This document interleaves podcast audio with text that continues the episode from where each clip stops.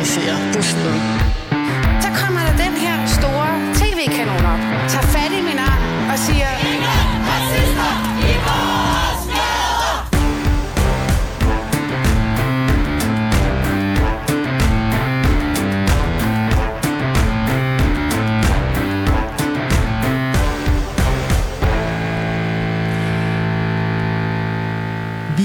Tilbage med Baby og Boomer her i øh, anden time. Jeg hedder Phyllis Jassar. Jeg har en gæstevært med i øh, dagens anledning. Han hedder Daniel Holst Pinderup. Daniel, øh, i forgårs kom det jo frem, at i hele marts måned, så vil øh, Akademikerbladet og øh, søstermediet Forskerforum udelukkende bruge kvinder som kilder. Altså kilder, som I forstået på den måde, man- når man skal ringe nogen op, altså som er eksperter, mm-hmm. og ja. interviewe dem. Øh, og der vil de kun benytte sig af kvinder. Hvad tænker du om det? Øh, det mener jeg er en virkelig, virkelig dårlig beslutning. Øh, jeg mener, at det det er en beslutning, som savler, øh, savner faglighed under sig, altså et savligt grundlag. Jeg mener, at Akademikerbladet næppe i forvejen var øh, diskriminatorisk over for kvinder, øh, så jeg mener egentlig ikke, at, at der nødvendigvis har, har været et, øh, et omfattende problem ved Akademikerbladet at gøre op med, i hvert fald ikke i den henseende. Man kan sige, at tiltaget det kommer faktisk i kølvandet på en opgørelse over de mest citerede ekspertkilder i medierne, mm-hmm. hvoraf det kun var tre, der ligesom figurerede på den der liste, og resten var ligesom mænd. Og øh, det har altså fået Akademikerbladet til at hoppe ud i det her eksperiment. Nu skal du lige få svar på, på tiltagen her. Velkommen til dig, øh, Troels Køn. Nå, hedder du ikke? Troels Køln, jo. Troels Køn. Tusind tak. Undskyld. Du Og, er øh, chefredaktør på Akademikerbladet. Ja. Lad mig bare lige starte øh, hårdt ud her. Synes du, at mandlige kilder bliver lagt lidt til last for jeres øh, eksperiment? Nej, det synes jeg, synes jeg egentlig ikke. Øh, Vi har opgjort vores egen øh, kønsfordeling af kilder siden 2017, og øh, i alle årene, der har vi altid haft, øh, haft flest mænd med. Så jeg tror, øh, må ikke de lige klare øh, en enkelt måned, hvor vi øh, taler med kvinderne også. Mm. Altså, men er I ikke bange for, at der er noget viden, der ligesom går tabt? Det er jeg faktisk ikke. Øh, jeg, jeg køber ikke helt den der præmis om, at hvis man skal vide noget om noget, så skal man tale med en mand. Altså, øh, der findes så mange øh, øh, dygtige ekspert, øh, eksperter, som er kvinder. Øh, jeg kan ikke forestille mig et emne, hvor der ikke er en kvinde, som ved noget om det. Øh, så jeg tror ikke, vi kommer til at gå, gå på kompromis med sådan kvaliteten, eller med, men måske får vi nogle andre vinkler ind på det, end vi, øh, vi har haft før. Jeg tænker bare, altså, I er jo et niche-medie, ikke?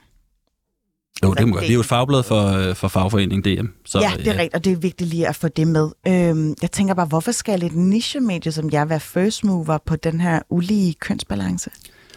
Altså, på, det, det er sjovt, du siger det. Altså, jeg synes egentlig, vi er øh, last movers på et eller andet, på et eller andet punkt, fordi øhm, jeg var, da, da vi startede det eksperiment, der var jeg egentlig ikke så bekymret for den kritik, som, øh, som Daniel, du retter for eksempel, fordi den har, man, den har jeg hørt før, jeg ved, den forstår jeg godt øh, og kender, men mere, hvad, hvad, hvad, hvad nu hvis øh, de feministiske debattører øh, rettede sig mod den og sagde sådan, hvad med alle de andre grupper, som egentlig er mere... Øh, har svært ved at komme igennem medierne. Øh, Nå, altså du tænker sådan i intersektionalismens øje Ja, med. du ved, hvad med etniske På den der top 50 liste over Der de, er ikke nogen. Der er ikke en eneste person med anden etnisk øh, baggrund end dansk, for eksempel. Er det ikke et større problem? Så du ved, på en måde synes jeg, det, det er jo sådan meget binært. Mænd, kvinder, hvorfor skal vi tælle det overhovedet, ikke? Mm. Øh, så jeg synes stadig, det er vigtigt, fordi der, øh, der er jo åbenlyst et, øh, et problem, som er velbeskrevet øh, af forskningen og sådan nogle ting. Og, og hvad er det, I ligesom håber at få ud af det i sidste ende? Har I sådan et, et uh, ideal eller sådan ambitiøst endemål? Altså, øh, målet er at blive klogere, og, og se om... Øh, jeg ved ikke, om der er et problem egentlig, øh, men det er at udfordre den måde, vi, vi gør tingene på normalt. Lave et eksperiment, så samler vi op hver uge. Mm. Har vi lært noget om Men den... du anerkender, at det er et problem, at der kun er tre kvindelige ekspertkilder? Det er det, ja, den i mediebilledet som helhed. Man kan sige, det er anledning til, at vi tager det op. Mm. Men vi har jo ikke som sådan undersøgt os selv sådan for alvor. Og det er jo det, vi prøver nu. Altså, øh, lave et eksperiment, og så ser vi, hvordan arbejder vi øh, egentlig? Altså, hvad er det for nogle ting, der er på spil, når man vælger kilder? Er det, fordi vi googler? Så finder vi altid de samme, fordi vi ringer til de samme, som vi plejer, eller hvad fanden? Hvad er der, hvad er der på spil? Og så, og så ser vi, om vi bliver klogere på det. Så følger vi op hver uge, og til sidst lave en anden håndbog, eller en eller anden form for nogle retningslinjer for, hvordan skal vi gribe det her an? Hvordan skal vi tænke over det? Altså, jeg, jeg, min, min kritik beror jo på, øh, bare for at redde, redde øh, tråden ud omkring, hvad præmisserne er. Min, min, min præmis øh, for, for kritikken er jo, at jeg er uenig i, at man nødvendigvis øh, skal tale med kvinder. Øh, for at, Altså at, generelt. Altså kvinder, kvinder nej nej, altså at, at man nødvendigvis øh, oplever en højere kvalitet i et menneske, som er kvinde, øh, i kraft af, at hun er kvinde, øh, i versus en mand, eller, og det samme gør sig gældende for, for ekspertkilders Så kvalitet du her. er faktisk, øh, man, du siger, at journalisterne helst skal bare agere kønsblinde. Man skal lade være med at diskriminere på grund af køn. Det er mit udgangspunkt. Jeg kommer Vil I fra, betegne det her som diskrimination? Jeg synes ikke, det er diskrimination. Altså, det er jo meget normalt, øh, at journalister udvælger kilder til forskellige art. Altså, det gør vi hele tiden. Mm. Nu har vi så et blik for, hvad, hvad de kvindelige kilder siger i en afgrænset periode. Altså, det, Men det ikke opsætter jo også et, et, et benspænd. Det er et benspænd, det er dogme, kan man sige, og det er simpelthen for ligesom at, at gøre det så rent som muligt. Altså, øh, og det er på en eller anden måde øh, nemmere at arbejde med for at se. Altså, det er jo sådan en form for øh, aktionsforskning, eller man skal sige. Det er et eksperiment, hvor vi sådan prøver at bryde med vores vaner. Vi, det her gør vi jo ikke til, øh, til hverdag. Det er jo ikke sådan, vi, øh, vi ikke vil snakke med mænd til hverdag. Så det er jo noget, det er jo et forsøg på at bryde det op, se hvad sker der, og så vender vi tilbage til en form for normal bagefter. Så på den måde kan man sige, det er en indsats, og derfor er det jo ikke, øh, derfor jeg ikke, er diskrimination. Altså, det er det. Altså, når man opstiller benspænd øh, på grund af folks køn eller hudfarve, øh, så er det jo diskrimination. Godtager du den? Nej. Troels? Det gør jeg ikke. Det, det, men det, det er jo så en, en, en uenighed, som, øh, som man måske kunne løfte op og sige, jamen prøv at høre, hvis man, hvis man forskelsbehandler folk på grund af deres hudfarve, køn, seksualitet eller andet, jamen det mener jeg jo, det er jo diskrimination.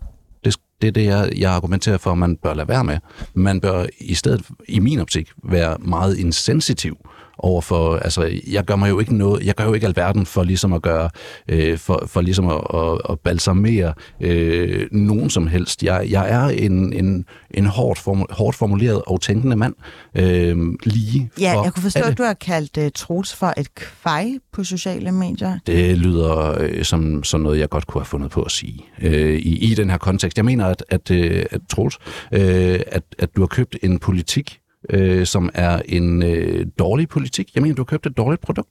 Altså, at du, du har begået en dårlig due diligence, og at, øh, at du burde have været mere kritisk over for, øh, for den øh, linje, som, øh, som, som du begynder at, at, at teste ud her. Altså, jeg siger jo ikke, at det nødvendigvis er sådan, at hele linjen i Akademikerbladet er gennemsyret af, eller noget som helst. Jeg siger bare, øh, jeg mener, at den her politik, det her spor, øh, det mener jeg er et virkelig skidt et.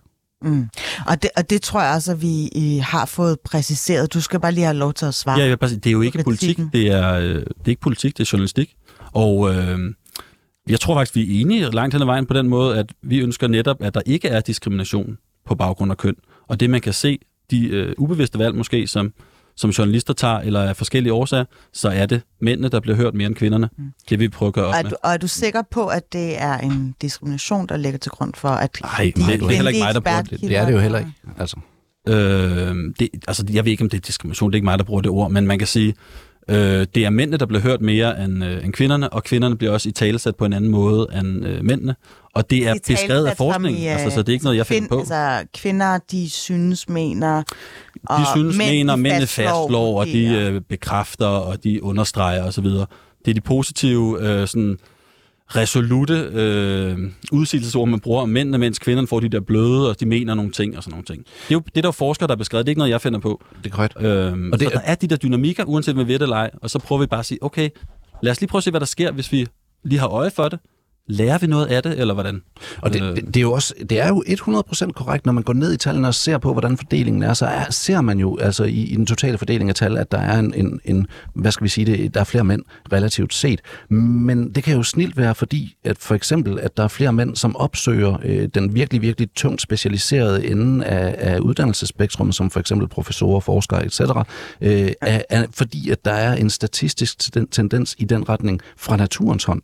Øh, Ej, det, det, undskyld, Eller- øh, det skal jeg bare lige... Altså, du siger, at der er noget biologisk betinget, hvor mænd er mere lyst til at gå øh, professorvejen, eller inden for forskningsverdenen. Man ser blandt øh, nørder, idioter og øh, genier en overrepræsentation af mænd. Og jeg ved øh, ikke, om det er på grund af, altså, at der, at det, og det her det er sta- statistisk. Jeg taler ikke om et individ. Altså, man kan ikke heraf slutte noget som helst om en, en individuel person ud fra Men noget, hvis der er flere mænd, der er professorer, så er det jo netop med til at underbygge, at man måske skal åbne slusen for, at der er flere eks- kvindelige ekspertkilder, Nej. der er blevet taget med på råd. Nej. Fordi det der, ikke fordi der er flere mandlige professorer, så derfor flere mandlige eksperter, og selvfølgelig vil man have eksperter, ikke kvinder. Er det Eller- ikke eller mænd. øh, all vil- fairness eller journalistisk modus, at øh, man, altså hvis der er, hvad skal jeg sige, altså større udbud af mandlige øh, ekspertkilder, så er der også større sandsynlighed for, at du får dem i røret. Jeg er ikke sikker på, at der er større udbud af, af mandlige ekspertkilder, men det er rigtigt, der er jo flere professorer, øh, som journalister jo tit ringer til, fordi det er en fed titel, det lyder godt, og så tror man, de er kloge. Men faktisk er det jo, professorerne er jo tit dem, som sidder lidt som sådan nogle ordnede og, øh, og har en generel viden, og det er måske dem, der tør udtale sig, fordi at de har et sikkert job. I universitetsverdenen er der jo ekstremt mange usikre ansættelser. Mm. Det kan godt være lidt vildt at, at, at udtale sig alt meget til medierne. Så du ved, det er ikke det bedste nødvendigvis at tale med, men det er de nemme at tale med. Mm. Så man kan sige, det er jo en måde at sige, ja, der er flere mandlige professorer, det er altså af historiske årsager, øh, fordi de har haft stilling i lang tid, at de stopper ikke, og hvad hedder det, så mange stillinger er der heller ikke. Øh, så det har nogle, nogle forklaringer der, men det betyder ikke, at der er færre kvindelige eksperter. Det betyder bare, at der er flere professorer, som er mænd. Som, de er som ikke de bedste at tale med altid. Nogle gange, men ikke altid. Fair game, nu, nu har vi så også afgrænset det til professorer, ikke? Altså det kunne jo være i hvilken som helst, øh, ikke hvilken som helst, men langt de fleste regier, hvor man ser, at der er sådan en, en, en tung fordeling af, at, at man skal bruge lang tid og dyb fordybelse, virkelig nørde igennem og dedikere sit liv til øh, for eksempel astrofysik. Men giver det så ikke jeg. også bare mulighed for, at altså, det her eksperiment, giver det netop ikke mulighed for, at der altså, øh, give talerør til nogle helt nye spændende kilder, for at ligesom nuancere debatten og ryste posen en smule? Ikke, altså, øh, jeg ved ikke om, hvad, altså, det er jo eksperter, vi jæger her, ikke kvinder eller mænd. Øh, jeg, jeg er interesseret i at finde den bedste kilde til anledningen, og det er den, jeg er interesseret i at få det, den bedste dækning, øh, som blandt andet som et resultat deraf. Øh, og det, altså, det, det gør ikke nogen forskel for mig, at det er en mand eller en kvinde, der, der udtaler sig, når det er faglighed, det, det handler om. Øh, så jeg vil sådan set hellere have, at man øh, bruger tiden på at producere øh, godt content og lave research, end at finde en kilde, som partout skal være kvinde. Det kan i øvrigt også være svært. Jeg havde den her samtale med Henrik Kvartrup for ikke så længe siden. Han, han udtalte, at hans erfaringer gennem tiderne har været, at jamen, kvinder vil bare sjældnere stille op. Øhm, mænd har større tendens til bare at tænke, fanden tag det, nu går vi ind og, øh, og, og gør det. Har I taget det med i ligningen, at der måske også kan være ja, en hindring for, at nogle ekspertkilder simpelthen bare samtidig lider noget imposter syndrom, og så ikke har lyst til at stille op? Det er jo spændende. Altså, øh, det er jo et åbent eksperiment, så jeg, ikke, altså, jeg ved ikke, hvad der kommer til at ske, så det kan jo godt være. Jeg vil sige, øh, på Deadline, der lavede man jo det her forsøg faktisk for nogle år Mm. tilbage, hvor man opdagede, at man inviterede altid mænd ind i studiet, og der var, de sad alle sammen der i, i, i hvid skjorte, øh, midalderne mænd, og de tænkte, okay, er det ikke lidt skævt?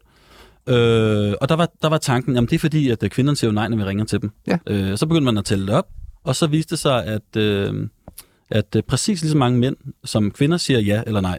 Der var ingen forskel. Hvad var forskellen? De ringede op til flere mænd. Så begyndte de at ringe til flere kvinder. Så var der flere kvinder med i studiet. Mm. Programmerne blev lige så gode. Måske blev den der bedre. Og det er også det, jeg håber. Det der med, at vi går lidt mere kritisk til vores tilgang, i stedet for bare at google, øh, hvem er det, det første navn, der kommer op. Så tænker vi lige en ekstra gang over historien. Måske ser vi en anden vinkel, end den vi plejer. Udfordrer vores, øh, vores øh, måde at se på det på. Og så, ja, måske kommer der nogle dilemmaer. Det gør der jo nok, når man laver sådan et, et meget hårdt dogme. Altså, så er det en måned, ikke? Så, øh, så ser vi på det, og så følger vi op. Altså, værre er det jo heller ikke, vel? Hvor meget tænker jeg egentlig over? Sådan, altså, vi render jo alle sammen rundt øh, med nogle forforståelser, nogle bias som journalister. Øh, hvor meget tænker I over altså, selve medarbejdersammensætningen inde hos øh, Akademikerbladet? Det er et godt spørgsmål. Altså alle dem, alle dem der er, alle mine kolleger, de har siddet derinde i øh, 10 plus år, de fleste af dem, så der er ikke så meget udskiftning, men øh, vi er sådan cirka 50-50. Øh, øh, man kan sige, vi har jo for eksempel ikke nogen med etnisk minoritetsbaggrund. Altså, men man kan sige, vi er så omkring 9-10 mennesker, så der er jo, det er sådan en lille gruppe, det kan også være Ja. svært på så lille øh, grundlag at, sådan, at sige, at der er nogle ulige vægt der eller ej. Så Der, der kan være mange gode grunde, men er det fordi, I er racister? det tror jeg ikke. Nej. Nej vel? Jeg tror heller ikke, det er fordi, at journalister er racister, at de, øh, at de øh, eller, eller, eller diskriminerer, at de ikke øh, taler med flere kvinder, for eksempel. Hvorfor skulle. Troels være racist? Jamen, fordi der ikke er nogen, øh, nogen minoritetsetniske ansatte i redaktionen. Hvis vi ikke kan aflede deraf, at der er en diskrimination øh, i forhold til minoritetsetniske, hvorfor kan vi så aflede deraf, at der er en diskrimination over for kvinder, når de er øh, under, lad os sige, underrepræsenteret. Ikke? Altså, det er logikken, jeg sætter på, på spil her. Jeg, selvfølgelig antager, antager vi da ikke, at, at, øh, at der nødvendigvis er racisme og diskrimination mod minoritetsetniske på spil, fordi der er en underrepræsentation rent øh, altså i totaltal på, på en redaktion. Selvfølgelig antager vi da ikke det. Men hvorfor i alverden skulle vi så antage, at der er sexisme eller diskrimination mod kvinder på spil? Øh, lige snart, at, at kvinder er, ikke er på mindst 50 procent af, af, af kønsfordelingen. Den logik vil jeg gerne have lov til, den vil jeg gerne udfordre, fordi jeg, jeg, jeg mener ikke, at vi nødvendigvis kan slutte, at det er diskrimination, som afgør, at der er en, en, en andet, anderledes fordeling end 50-50. Men jeg, jeg kan heller ikke høre Troels sige, at det, det nødvendigvis er diskrimination. Per, perfekt, fordi hvis der ikke er diskrimination at gøre op med, så er diskriminerende, diskriminerende tiltag jo i udgangspunktet ikke rigtig tilladte. Øh, der er så ikke nogen lov imod, at man gør det imod kilder i, i mediet, det er fint, men, øh, men i forhold til ansættelser for eksempel, altså hvis man begynder at fravælge mænd for at hyre kvinder, øh, fordi man gerne vil have kvinder, jamen så har man altså som arbejdsgiver lidt en udfordring, fordi så skal du altså rigtig gøre, at der er diskrimination mod kvinder i forvejen. Og det mm.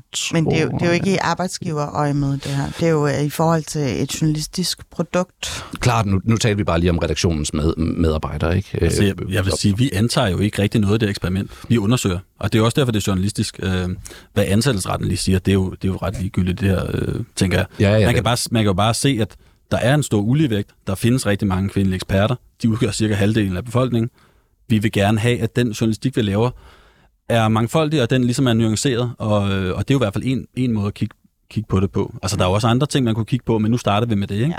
Så, så der kan øh, godt være et lignende eksperiment, der lige pludselig spiger øh, i kølvandet på det her, ja. ikke? Øh, ja. som er fremkaldervæsken på det. Er, ja, ja, er, dansk, er Dansk Magisterforening blevet øh, feministisk? Uha, det ved jeg så ikke, om de er. De, jeg, jeg er jo, øh, vi er jo et øh, fagblad. De hedder jo DM, øh, så bliver de glade, hvis jeg siger det. Undskyld. Øh, det er okay. Ja. Hvad hedder det? Øh, vi er jo et fagblad, vi har frihedsbrev. Så jeg går ikke, altså jeg, ikke, øh, jeg går ikke så meget op i, øh, i DM's politik som sådan.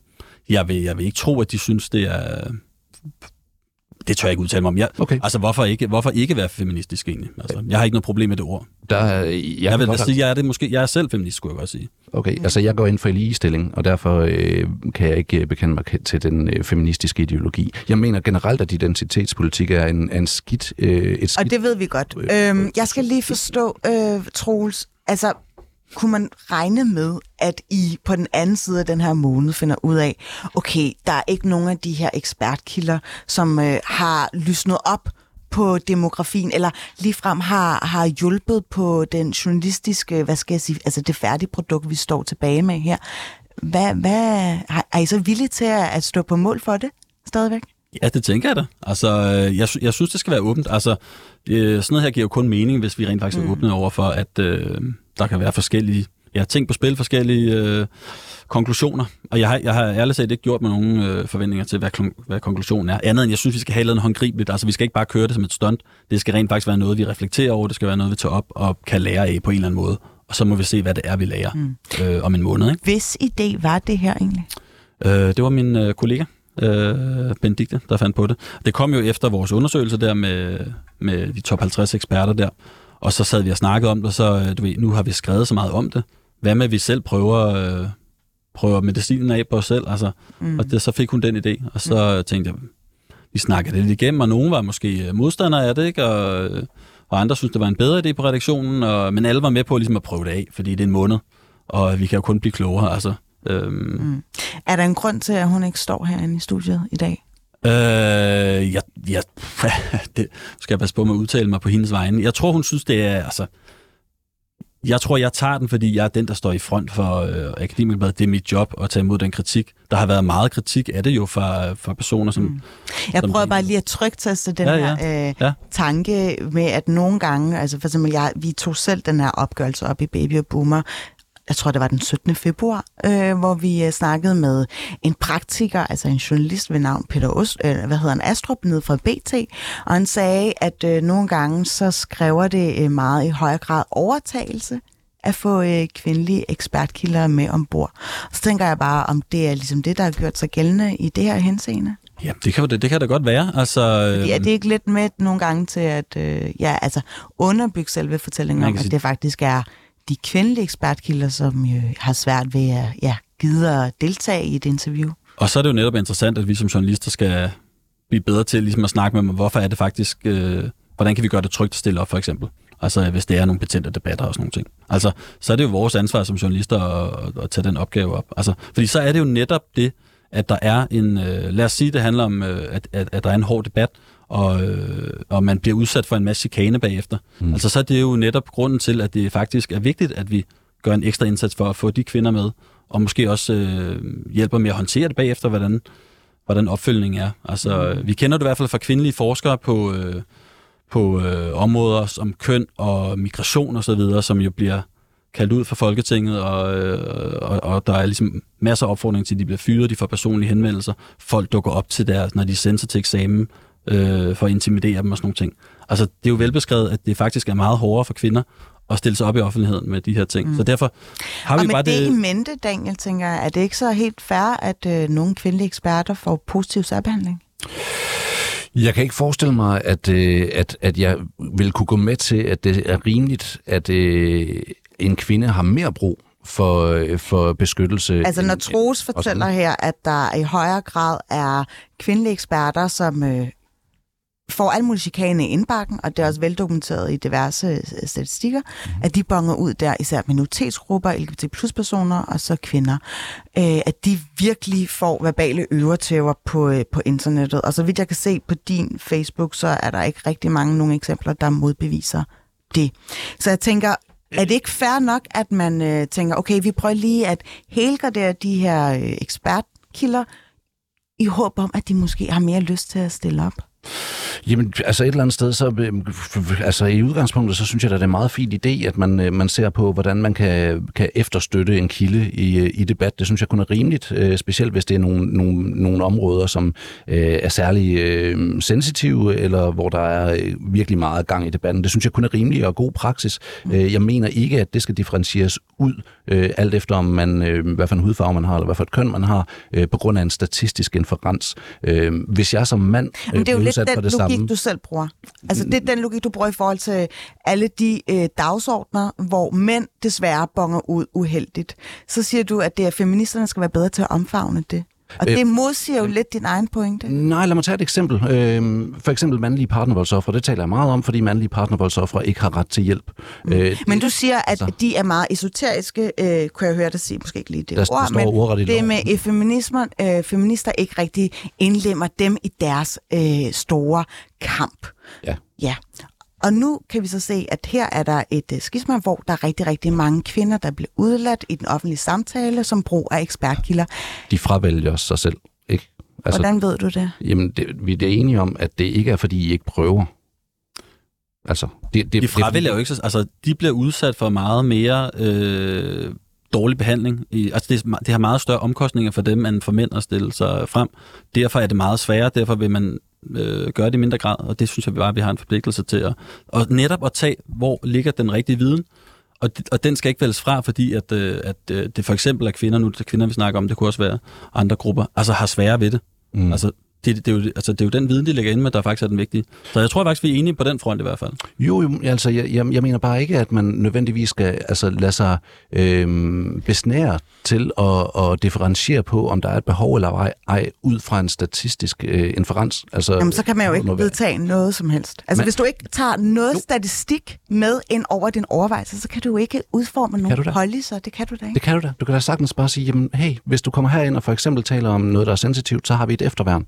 Og det er ikke afhængigt af, om du har den ene eller den anden Okay, men hudfarve. det efterværn, det gælder så ikke kvindelige ekspertkilder her. Det gælder, jo, men det gælder så åbenbart ikke mandlige. Kan- Sådan må jeg lade mig forstå det. Nej, fordi det de er nemlig overrepræsenteret. Så hvordan skal de have et efterværn, når det er kvindelige ekspertkilder, som er udsat og som ikke bliver brugt i den offentlige samtale? Jamen, mandlige bliver der også forfulgt. Altså, bliver der også Hvor chikaneret. ved du det fra? Jamen, det, der er der ikke nogen data, der viser, at det kun er kvinder, der bliver udsat for Jo, chikane. det er der. Nej, det er der ikke. Nej. Mandlige ekspertkilder ligger ikke til last for at få chikane i indbakken eller blive kaldt for alle mulige ting. Måske lige Troels her, som er blevet kaldt et kvej. Det er så heller ikke så slemt, jo. Det er jo ikke rigtigt. Altså, det er simpelthen ikke korrekt, at mandlige øh, eksperter ikke bliver udsat for chikane eller repressalier. Men der er eller ikke lige så høj grad som Det siger jeg heller ikke. Og Det det, er netop det, som er en del af ligningen her. Godt, så lad os tage det ene, det ene eksempel, det individuelle plan, right? Lad os komme ned på det individuelle pla- plan og tage en, en, en case, hvor en øh, mandlig kilde, han bliver forfulgt og chikaneret. Right? Skal han have hjælp, eller skal han ikke have hjælp? Han er mand, men han bliver chikaneret. Selvfølgelig skal han have hjælp. Godt, jamen så er der heller ikke nogen grund til at differentiere, og så kan vi jo godt vedtage den policy, at man skal have et efter, efterværn. Vi kan, bare lade være, vi kan bare vedtage, at det ikke skal være afhængigt af, hvad for et køn man har. Så er jeg sådan set meget godt tilfreds. Bare lad være med at diskriminere de mandlige kilder, når man laver tiltag. Så er det sådan set fint. Jeg synes, det er en god idé at lave et efterværn. Jeg synes, det er en pissegod idé at sige, hey, lad os tjekke op på, hvordan vores kilder de har det, øh, efter vi har haft dem fremme, i, særdeleshed, hvis, de bliver, øh, hvis det er noget... Mm. noget Er det noget, I har overvejet, Troels, bare lige at tjekke op på, øh, når jeg har talt med en kvindelig ekspertkilde, og så spørger, var det virkelig så slemt, som du måske havde bildt dig selv ind? Altså, jeg tror ikke, vi har gjort det før. Øh, og jeg, jeg er jo, det er også derfor, da du sagde, at vi var first movers, altså jeg har, jeg har aldrig selv øh, været... Øh, taget det her op rigtigt. Jeg har aldrig rigtig overvejet det, men nu er jeg blevet tvunget mm. til det. Ikke? Så det. Men jeg tænker, at det burde vi da gøre. Altså, når det er de der udsatte emner. Øh, også for mænd for den sags skyld. Men, øh, men jeg tror ikke, vi vil, øh, jeg tror ikke, vi vil se de ting, mm. hvis ikke vi lavede det her eksperiment, som er... Så nogle gange så giver tvang mening, er det det, jeg hørte dig sige? øh, Du er blevet tvunget til det her eksperiment. Det var det ord, du brugte. øh, er jeg blevet tvunget? Nej, det tror jeg ikke. Jeg, øh, jeg ved ikke hvad, helt, hvad du mener. Jamen, du sagde bare, at jeg, nu, det er jeg blevet tvunget til. Nå, ja, jeg er blevet tvunget til at overveje det, kan man sige. Mm. Ja. Øh, det er jo det, der er ideen med eksperiment, det er netop at, ja, det er jo at tvinge os selv til at overveje de her ting, og til at se, om der er nogle blindvinkler for os selv. Jeg tror, vi holder her. Øh, tusind tak, Troels Køl, fordi du gad at komme ind og fortælle om øh, det her meget spændende eksperiment. Det kan være, at vi skal ja, efterrationalisere det, når øh, måneden er omme. Tusind tak. Tak for snakken. Tak for det. Jeg ved ikke rigtig, om jeg, om, jeg, om jeg skal udtale mig direkte om det, fordi Gerne. det er jo altså, det er en juridisk beslutning. Reporterne på 24-7. Ved du hvad, det gider jeg simpelthen ikke svare på. Du har stillet spørgsmål nu øh, 10-15 gange. Vi holder fast og fanger de undvigende svar. Jeg synes ikke, et fængsel er et sted for børn. at en kvinde bliver presset til at skulle føde barn før tid, så er det totalt og aldeles uacceptabelt. Lyt med, når reporterne hver dag laver kritisk og dybdeborende journalistik. Havde du gjort det her, hvis nu Ekstrabladet ikke var med? Nej, fordi han var farlig. Jeg har ikke undersøgt noget om det her, det var ulovligt, hvis jeg slet ikke gået ind i, fordi at det er jo ikke øh, et lille folkeblad henne på hjørnet, det er Kvogtrup. Det kan faktisk være farligt, det her. Hvis jeg kan komme i en ministerbil, så kan jeg også smide en bombe. Hver mandag til fredag kl. 15 på 24-7. Ja, der er lidt aktivitet her i studiet, men det er simpelthen fordi, at øh, vi er så heldige, at vi har fået to nye gæster i studiet. Vi skal tale om noget fuldstændig andet. Vi skal nemlig tale om dating-eksperimenter. Programmer som Gift ved første blik, Vild Kærlighed, Alene sammen og Matchet på Mælkevejen sætter alle spørgsmålstegn ved vores måde at date og forelske os på. Men er der virkelig ikke flere seere derude, som tror på præmissen i disse programmer? Sådan spørger Evelina Overby, som er studerende i film- og medievidenskab. Afsættet for den her debat, det er det her indlæg, som du bragte i politikken af Evelina Overby. Hun kunne desværre ikke være med i dag, fordi hun er i Cuba, men øh, det er jo ikke en hindring for, at vi taler videre på, øh, på hendes øh, øh, hvad der hedder, budskab. Og nu vil jeg bare gerne lige byde velkommen til gæsterne her. Velkommen til dig, Linnea Sendt. Du er tidligere deltager i datingprogrammet The Bachelor. Og så har du øh, deltaget i et andet reality-program ved navn True Love. Ja. Og også velkommen til dig, Marlene Weibel, tidligere caster, og øh, nu vært på Reality Check, som er en podcast om reality shows. Yes. Synger de her datingprogrammer deres sidste vers, Marlene? Overhovedet ikke. vi skal bare lære at elske reality-programmer, og det er især kanalerne, som skal embrace, at de laver reality. Vi elsker alle sammen at se på folk som bliver forelsket, og folk, som bliver for deres hjerte knust, og sætter os i det sted, som det nu er.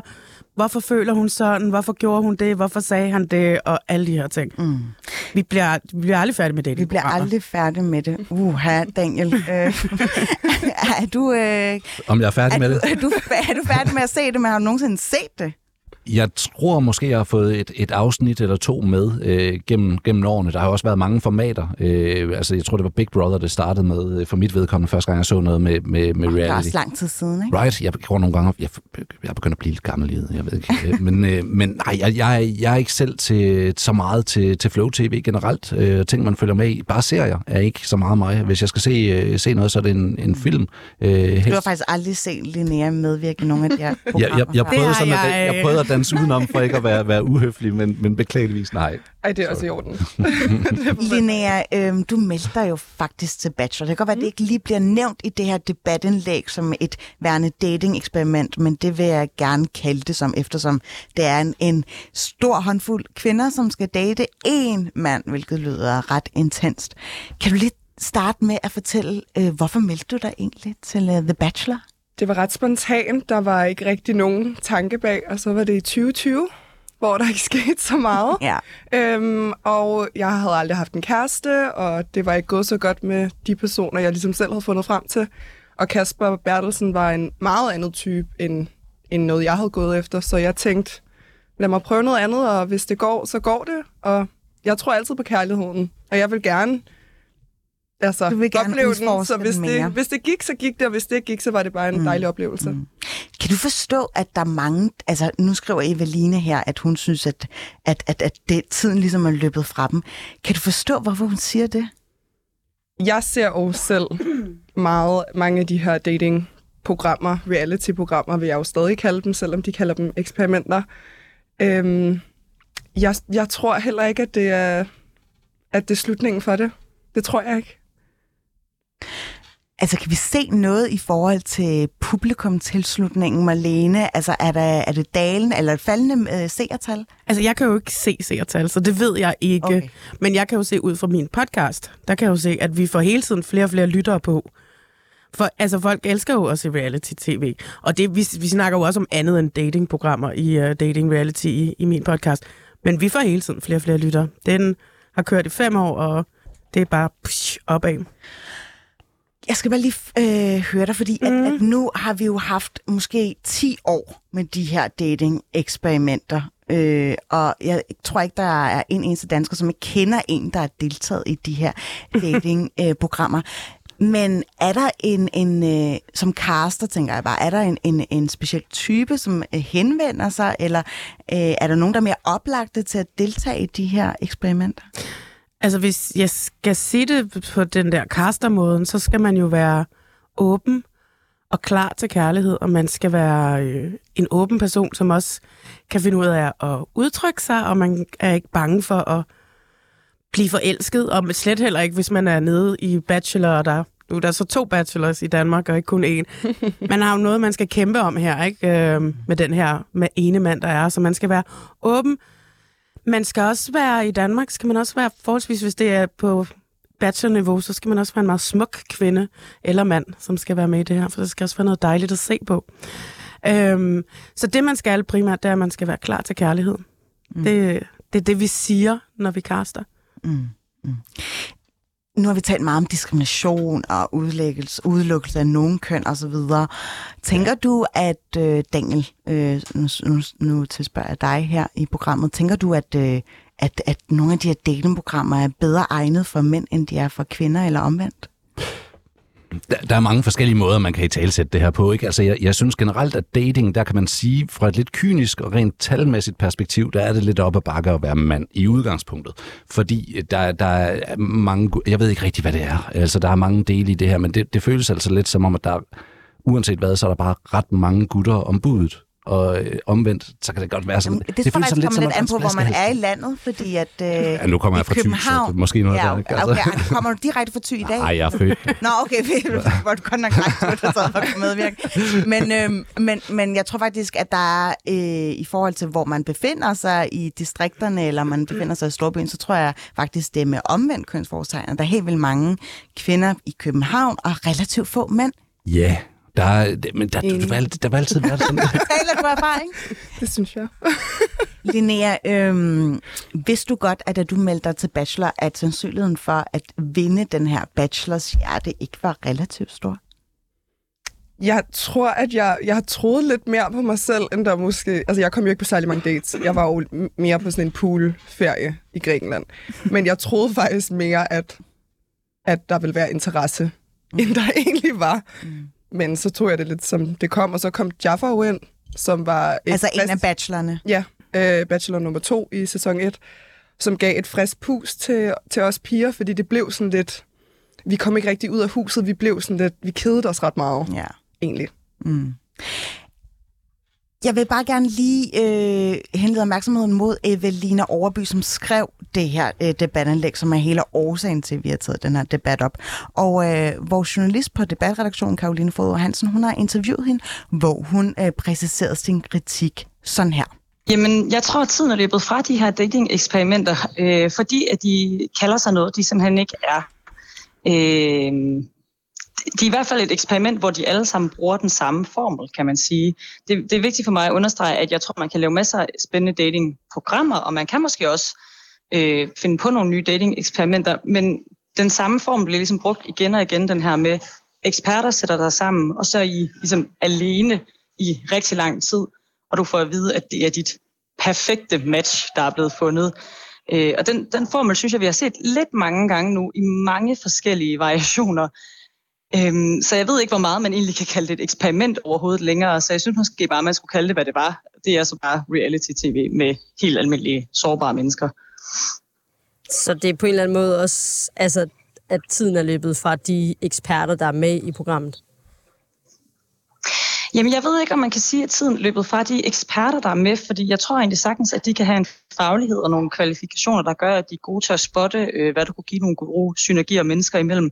Men jeg tror, problemet er det her med, at de giver en, en person og siger, det her, det er dit match. Og hvis du ligesom ikke kan få øjnene op for det, så, så har du måske noget at skulle arbejde på, eller hvad man kan sige. Det er måske det, der er problemet. Øhm, fordi jeg tror sagtens, hvis de nu for eksempel havde givet en, måske nogle forskellige muligheder i form af partner, så tror jeg egentlig sagtens, de ville kunne hjælpe en. Men det her med, at du bare får en person, og der er så stort et pres, fordi du ved, at jeg passer sammen med den her ene person, der er nogen, der har vurderet, at vi skal passe sammen, det tror jeg bare ikke fører noget godt med sig. Og det synes jeg i hvert fald ikke rigtigt, vi har set i de her programmer, at det har ført særlig meget godt med sig.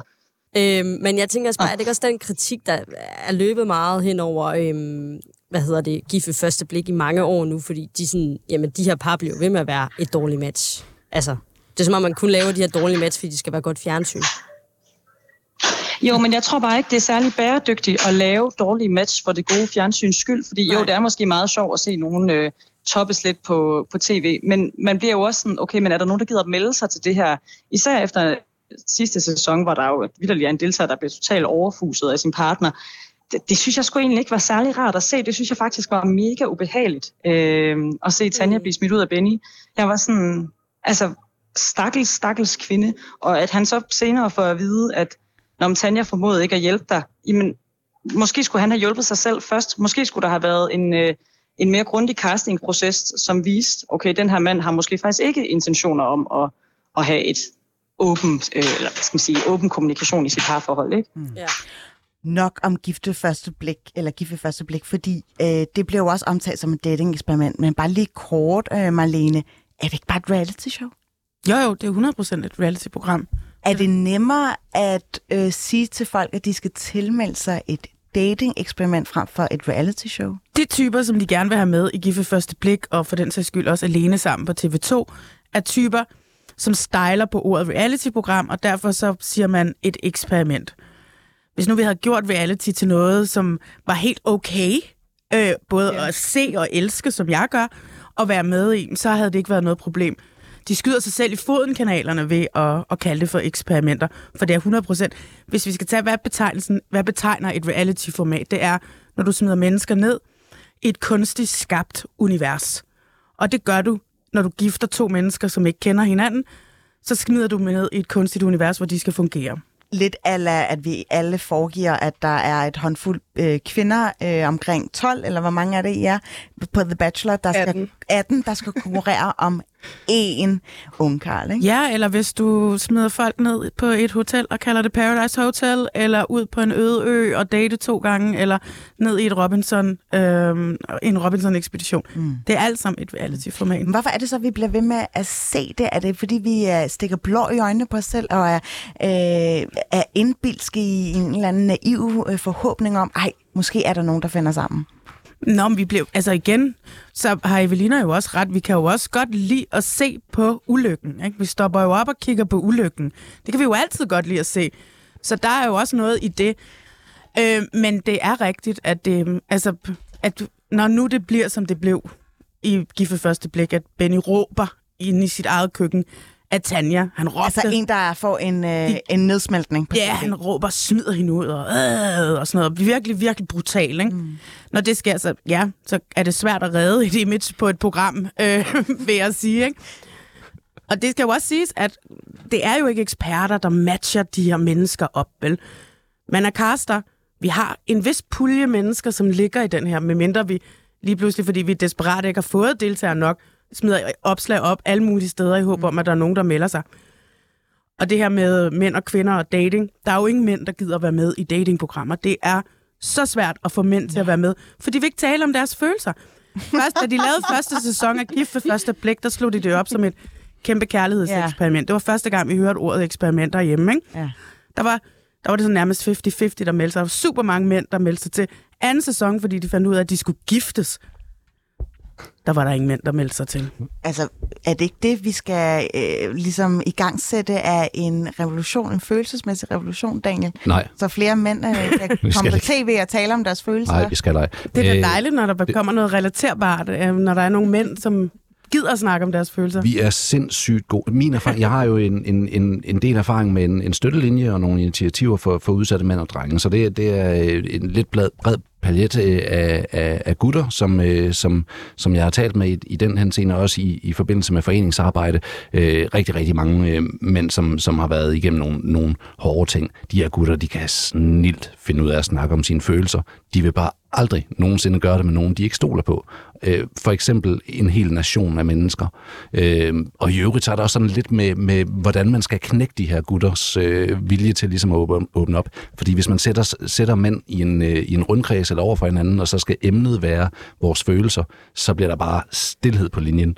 Men mm. hvis man laver et fælles tredje, det kunne være at hugge noget brænde, eller sidde og fiske, eller hvad fanden det måtte være, ikke? altså et eller andet, det kan være ligegyldigt hvad, mm. så lige pludselig så, går, så, så begynder øh, munden at køre, ikke? og så, så, så går snakken. Så der er forskel på virkelighed og reality shows. Det tror jeg, vi alle sammen godt kan skrive yeah. under på. Og vi, det, ja, så må det være. Øh, tænkte du over sådan, at nu, for skulle du medvirke i The Bachelor, eller for den sags skyld også True Love, at du skulle være en anden person, eller at du skulle være en anden side af dig selv, en som måske er meget mere udadvendt, end hvad du ja, normalvis er til hverdag? Altså, jeg var jo med i Robinson til at starte med helt, hvor jeg var en meget, meget stille mus, og var meget overrasket det her med, med kamera, og synes, det hele var meget opstillet. Så jeg var, og da jeg så mig selv på, øh, på fjernsynet, sagde jeg og min familie og alle mine venner, sådan, at de kunne genkende mig.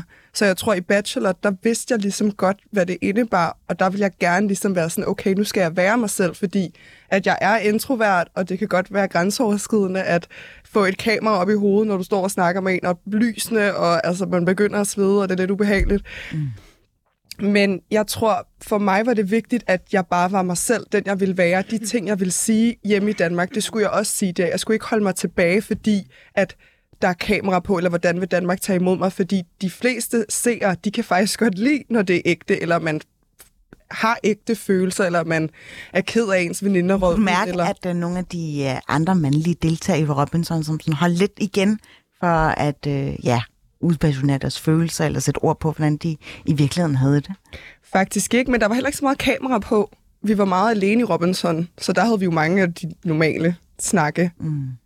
Det var mere sådan taktik, når der var kamera på. Nu vil jeg gerne lige tilføje noget. Det er jo også svært ikke at være sig selv i et reality-program.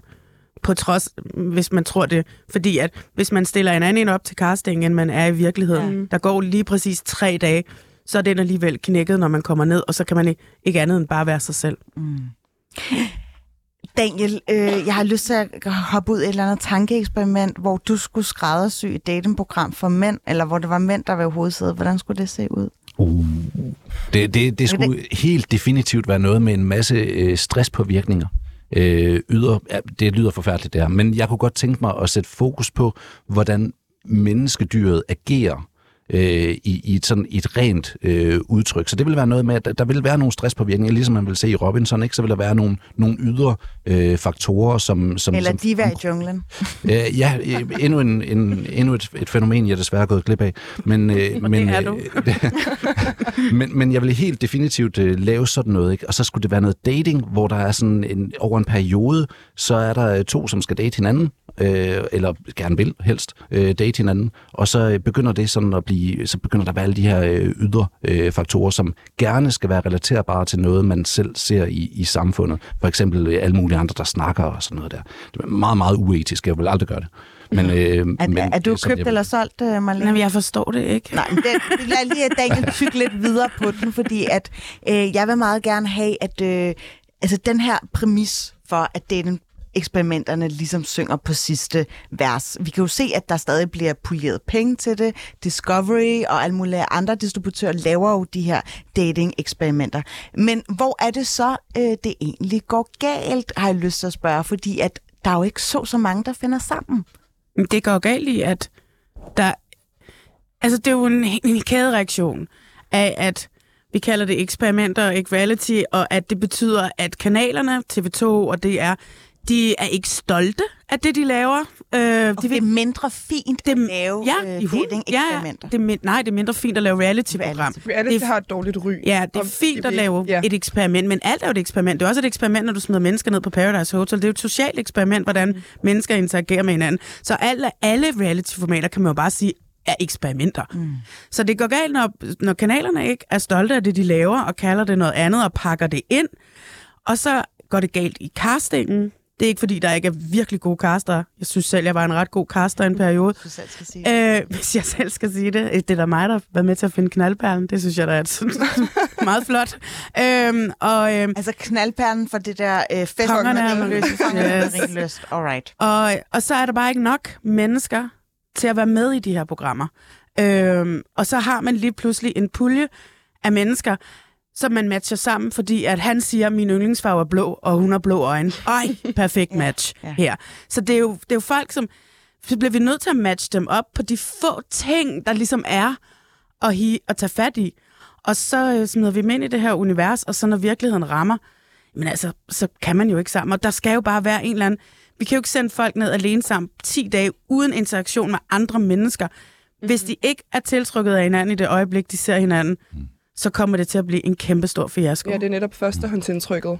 Det er det jo bare desværre. føler jeg også i alle deres interviews, de laver med sig selv, hvor de udtrykker alle deres tanker, alle deres følelser, men som seer ser man aldrig nogensinde, at de inddrager deres partner, eller det, de er blevet matchet med, i, i deres tanker og følelser. I alene sammen, der taler deltagerne i programmet med ihjel. Altså, de Jamen, taler ja. alle... Hvorfor Hvorfor Ja, der er det- ingen er det- kommunikation Hvorfor er i de det, her de som programmer? seer ikke får lov til at se den bid? Hvorfor karambolerer det med noget som helst? Jeg ved, at i Gift ved første blik, for eksempel, der, har, der er, er jo heller ikke kamera eller overvågning, som, mm. som jo ellers også er en god ting i reality-tv. Mm. Meget vigtigt med overvågning. er meget vigtigt med overvågning. Og der, hvad hedder det, øh, der har de jo haft en tendens til at aftale, at det og det gør vi ikke, når kameraerne er der, men det og det kan vi, gør vi, når vi er alene. Mm. Øh, så de kommer jo ikke til at give os det billede af, af, af parforholdet, som er i gang med at skabe sig. Mm. Så, øhm, så når man gør det på den måde, det samme i alene sammen, der får, er de der jo heller ikke, de er der meget sjældent, at der, er der kameraer ude, de filmer selv og sådan noget. Der kan man jo også Så bare... alene sammen, som er det her koncept, hvor man er ude på en øde ø. Ja. Der er øh, øh, en mand og en kvinde. Ja, ja, og så er de ude i et sommerhus i 10 dage på en øde ø, og skal lære hinanden at kende og blive kærester. Men der kan de jo også selv beslutte sig for, hvor meget de vil filme og hvad de vil vise. Mm. Om de vil sige, at de har knaldet, eller de ikke vil sige, at de har knaldet, for eksempel. Ikke? Altså, mm. Det kan man jo ikke vide. Er der nogen, der bruger reality- eller dating-eksperimenterne som en trædesten for måske at finde nogen øh, på den anden side af programmet? Nå, jamen, det ved jeg ikke, Linnea. Det kan Det du vel nærmere at svare på. på. Hvor mange Jamen- slid into your DM's? Der er der nogen, men hvis der var nogen interessant, havde jeg måske også svaret. Men det er ikke, fordi jeg vælter i beskeder, vil jeg gerne lige sige. Jeg føler, jeg ved ikke, om folk er lidt intimideret over, hvem jeg er. Det kan være, du ændrer holdning. Du ser en DM fra Daniel. Ej, øhm, ja, altså, at, men, men kender du nogen, som måske også har gjort det til en altså, karrierevej, at, at så deltage i de her dating-eksperimenter, og altså, lidt abonnere på den der øh, altså, narrativ om, at oh, det er så svært for mig at finde øh, det rette match? Jeg føler faktisk mere, det er dem, der ender sammen. Reality-par er i mega høj kurs. Altså, det er en karrierevej, 100 procent. Ja, Men jeg, okay, jeg hvis ved man- ikke så meget om det andet. Hvis man simpelthen finder kærligheden Ja, på folk TV. elsker at følge øh, folk på Instagram, og så bliver de influencers, fordi nu har de set dem på, på fjernsynet, finde kærligheden, Ja. ja. finde sammen. Altså, folk elsker det. Så rooter de også mere for dem. De holder Ja. med dem, når Jaffa fra Bachelor frier Præcis, til Jaffa og Bolette. Bolette, altså, og så altså, folk ja. går helt amok. Og så er influencer-karrieren skabt, og så bliver man vært på Discovery. Jeg er helt sikkert blevet af noget. Øh, skal, har du lyst til at spørge de her øh, damer øh, i studiet om noget? Vil I, altså hvis I, skulle bygge, øh, hvis I kunne starte helt forfra, vil I så gøre det igen? Altså hvis du kunne bygge øh, reality, øh, eller være med til at bygge reality, vil du så gøre det igen, og vil du gøre det på samme måde? Og samme sammen dig, Helena, vil, hvis, hvis du kunne øh, gå tilbage til dag 1, øh, vil du så gå den samme vej og gøre det hele igen? Det er 100% nogle oplevelser, jeg ikke vil være for uden, også selvom jeg ikke har fået noget ud af det. Robinson er jo noget helt andet i forhold til dating, og det er ikke, fordi jeg har fundet en bedste veninde eller noget, som også andre finder i de her reality-programmer, men jeg har mødt en masse mennesker, og jeg har fået en masse oplevelser, og jeg vil ikke være det for uden, og jeg vil gøre det igen, og jeg tror heller ikke, jeg er så... Altså, om det bliver filmet, så når jeg Altså, du vil gøre det igen øh, i håb om at finde kærligheden, eller vil du gøre det igen, fordi det er hæsblæsende sjovt at deltage i et reality-program? Hvis det er de samme mænd, der var med i de samme programmer, så ved jeg jo godt, at jeg ikke vil finde kærligheden, fordi vi ikke har passet sammen. Mm. Men det er bare, altså jeg synes, det er sjovt, hvis man kan lide sådan noget. Mm. Fordi du, mist, du har ingen kontrol. Du bliver bare sendt ned, du har ikke nogen telefon. Det er et socialt eksperiment med en masse mennesker, og det er bare sådan lidt en sjov oplevelse. Mm. Har du ikke fået lidt blod på tanden, øh, Daniel? Og, øh, på reality? til reality? Ja, men jeg, det, jo, men det, jeg er i midten af en bog og noget. Der, der, altså, det er sådan lidt... Altså, jeg læser også bøger, ikke? Jamen, og jeg det- ser også DR2, ikke? Ja, men jeg har også et maleri, jeg skal have hængt op, og der er også lige... Og, Men, men, Men er der noget, som du vil måske kunne anbefale Daniel øh, at se øh, i reality-skalaen? Der er jo masser, jeg kan anbefale. Der er inde på Netflix, er der Love is Blind. Du kan også gå ind og se Bachelor på TV2 Play, som øh, også kan noget. Ikke? Der er masser af gode. Du kan se Alene Sammen, du kan se Gift for første blik. Der er masser af gode programmer. Man kan jo godt se, at der er en progression i øh, avancement, altså på den måde, det bliver avanceret på, de her datingprogrammer, ikke? Hvad tror du, det seneste skud på stammen bliver, eller hvad bliver den, det næste step i, øh, i dating-æraen, eller i datingprograms-æraen? Men det kører jo allerede nu på Netflix og hedder Perfect Match. Ej, det Yes. ser jeg jo også. Det Jeg er- bingede det sidste det vil i jeg går. klart anbefale. jeg, jeg har ikke set det færdigt endnu, venner. Er Vi det må ikke spoile noget. Men det er jo, hvor man tager rent faktisk... Bachelor er det jo også lidt. Du kan vinde trofæet, som er bacheloren til sidst, hvis du er den eneste pige, der er tilbage. I, så det er, men her i Perfect Match gør de det også til et gameshow. Mm. Så udover at du skal date og finde dit perfect match, så skal du også sabotere andre perfekte matches ved at sende nye deltagere ind, som de muligvis så hellere vil være sammen med. Det er fuldstændig genialt. Plus at det er, fordi at reality på Netflix startede jo, da corona startede med, der droppede, droppede de jo første sæson af Love is Blind, og siden da har det taget fart, fordi de fandt ud af, at folk rent faktisk godt gider se reality, mm. og det er også derfor, at der bliver ved med at være datingprogrammer i fjernsynet. Øhm, så de her i Perfect Match har de taget alle de store stjerner fra alt det forskellige reality, de har lavet over de sidste par år, og så smider de bare dem ind i bedste X on the Beast-stil. Kunne du finde på at være med i sådan en variant, Linnea? Ja.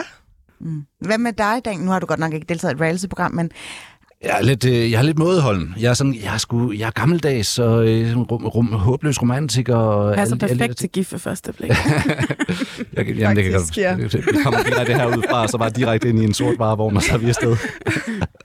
Det bliver faktisk det sidste ord. Vi må bare vi væbne os med tålmodighed for at se, om du er med i et uh, reality-program. Tusind tak, uh, Linnea Sendt, uh, tidligere deltager i The Bachelor og uh, True Jamen, Love. komme. Og tusind tak også til dig, Marianne Weibøl. Marianne? Marianne. Marlene. Marlene, undskyld. Undskyld, undskyld. Marlene Weibøl, podcastvært og uh, tidligere caster. Og tusind tak til dig, Daniel Holtz Pinderos, Selv tak. for at give at tilbringe uh, to timer sammen med mig her i Baby og Boomer. Jeg hedder Phyllis Jassara. Vi lyttes ved i uh, næste uge.